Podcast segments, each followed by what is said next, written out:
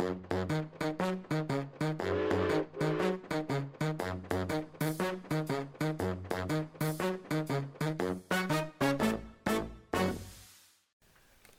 dagens episode av Ekspedert så skal vi tilbake i tid til ei julehistorie skrevet av en som heter Per Fridheim, som eh, da på julaften i 1901 befant seg sammen med flisgutten sin i steinbrakka på Søsterbekk.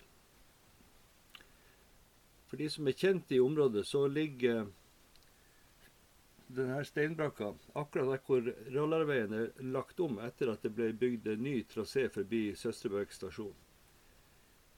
Han, eh, per kaller det her for Nedre Bjørnfjell. Og eh, nærmeste nabo var Hagfors kafé, eller Fjellstuen som den også var kjent som. Det var han og flisgutten som skulle tilbringe jula der i steinbrakka. Og han kaller historia for julekveld i fjellstua på Bjørnfjell 1901. Østavinden brøyt mellom fjellhaugene på Bjørnfjell. Termometeret viste 25 kuldegrader, minus. Det var ikke værende for folk utendørs. Johan, flisgutten min, og jeg kom hjem fra en snartur til Rombaksbotn, hvor vi hadde kjøpt en del juleproviant og samtidig henta juleskjenken vår. Vi, en av de tre flisguttene mine og jeg, bodde i midtrommet i ei steinbrakke på Nedre Bjørnfjell.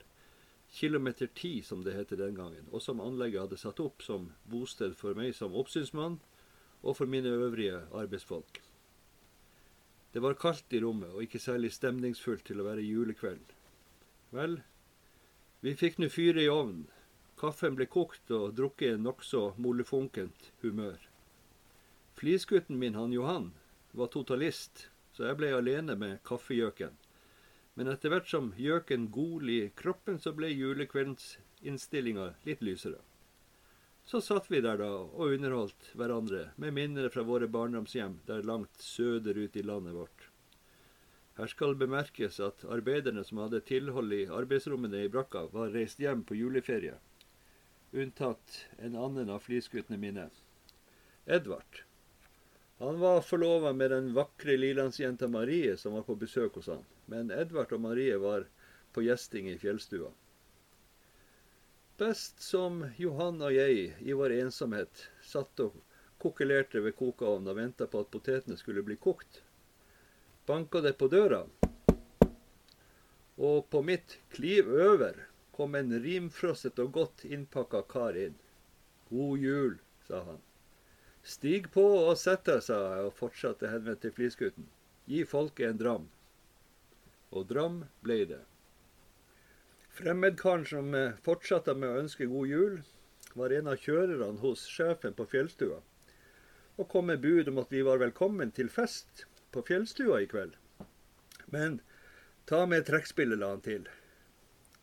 Vi takka og sa at vi skulle være der ved sjutiden. Så ble det en dram til, og karen gikk sin vei. Nå var potetene kokt, og vi inntok vårt måltid. Poteter, stekt flesk, knekkebrød med brennsterk kaffe til. Etterpå kledde vi oss riktig godt, trakk lua nedover ørene og tulla et stort skjeff rundt hode og ansikt. Så dempa vi på varmen i ovnen, slukte lampa, trakk ullvanter og skinnhansker på og dro ut i østavind og nattemørke.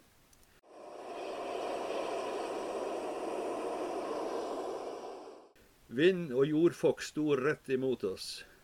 Jordfokket herja snerret til akkompagnementet fra østavinds kraftige hul. Ja, det var i sannhet et friskt vær, men heldigvis hadde vi bare én kilometer å gå til fjellstua. Fjellstua som lå lunt til, var allikevel nesten nedføkket, men en snøtunnel førte fram til inngangsdøra. Ja, vi kom da fram og inn, og både oppsynsmann, flisgutt og trekkspiller ble mottatt med fryd og håndklapp. Festen var allerede i full gang, og mange mennesker var til stede. Fjellstuefolket, kjøpmann med frue, var vertsfolk, og trakteringa var som det skulle være en julekveld. Lutefisk med ribbefett, ribbe med surkål osv. Drammen var på plass, men ølet måtte vi unnvære, da dette ikke lot seg transportere fra rombaksbåten og til fjellet i dette uværet. Etter maten ble det en liten pause som ble utfylt med en pipe eller to, mens kvinnene hjalp hverandre med avdekking, opprydding og oppvasken etter middagen. Da det var unnagjort, kom verten høytidelig inn fra et av siderommene med en rykende punsjkjel i den høyre hand og en jernfot i den andre handa, og med vertinnen trippende etter med et kompani med punsjglass på et brett. Jeg tror vi trakk etter pusten, de fleste av oss, ved synet av punsjkjelens dimensjoner da den kom på bordet. Da vertinna hadde fylt glassene og bedt oss forsyne oss, holdt verten en liten tale og nevnte bl.a. julens evne til å legge en gyllen og forsonlig glans over tilværelsens traurigheter, hverdagens gråhet og bjørnfjellvinterens ofte så tyngende krav.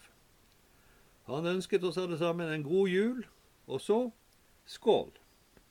Ja, den reiv, sa han Petter, kjørekaren, og heri var alle skjønt enig. Så tok Andreas, betjenten på butikken, fram fela si og spilte julesangene.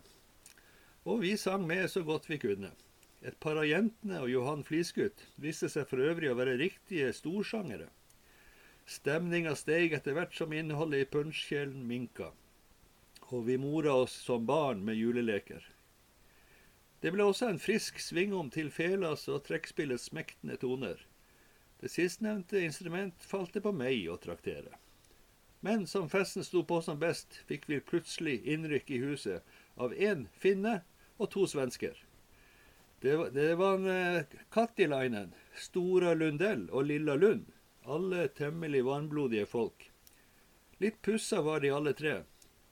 Ursäkta, vi kommer inn, sa Stora Lundell.